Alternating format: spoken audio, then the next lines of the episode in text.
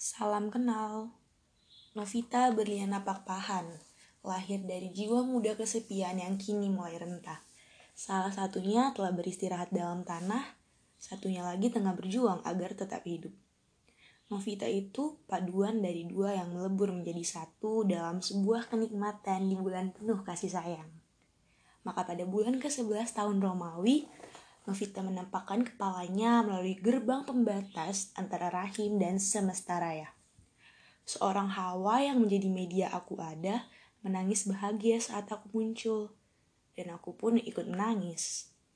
Saat ini usiaku 21 tahun. Masih muda tapi selalu merasa tua dan berbeban berat. Mamaku berkembang di keluarga yang menjunjung matriarki. Papaku tumbuh di sebaliknya, patriarki. Dapat dibayangkan bagaimana saling tidak mau mengalahnya mereka. Tapi itulah dunia ini selalu mempertemukan yang dipikir tidak masuk akal. Mereka berdua bertemu di ibu kota, saling pandang lalu kemudian jatuh cinta. Tanpa sadar, mereka telah menanam benih yang berujung pada kemunculanku. Umur mereka terpaut 14 tahun. Ketika papaku sudah menggunakan baju sekolah putih biru tua, mamaku baru menghirup udara segar dunia. Tapi lagi-lagi ya, cinta memang selalu seperti itu Bukan hanya aku hasil buah cinta dan nafsu mereka. Ada seorang lagi yang terkadang sangat kusayangkan kehadirannya. Namun kadang juga sangat kusyukuri. Aku selalu suka sesuatu yang berbeda dari orang lain. Karena katanya kita harus berbeda dari dunia. Aku punya banyak mimpi yang kusimpan sendiri. Salah satunya, aku ingin punya sebuah band. Memang tidak berbakat di musik dan vokal, tapi apa salahnya bermimpi? Hehehe. Aku sering meragukan kelak aku akan seperti apa. Tapi hati kecilku bilang, aku pasti akan bersinar. Sama seperti namaku.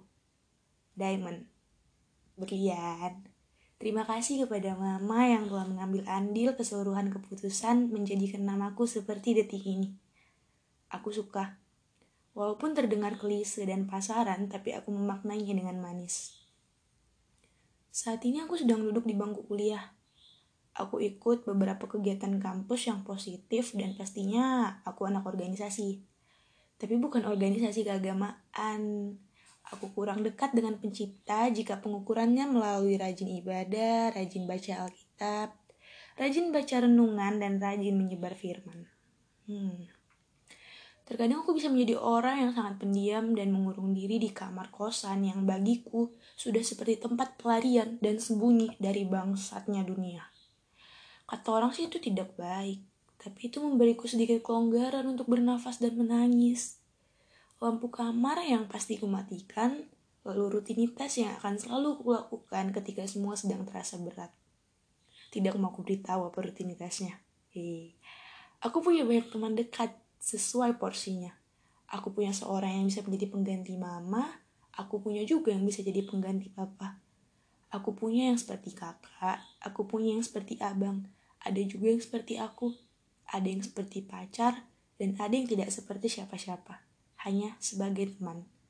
Aku tahu pencipta baik, karena mengirimiku orang-orang seperti kalian yang kusebut di dalam hati ini. Aku percaya bahwa senang dan sedih itu memang benar sepaket.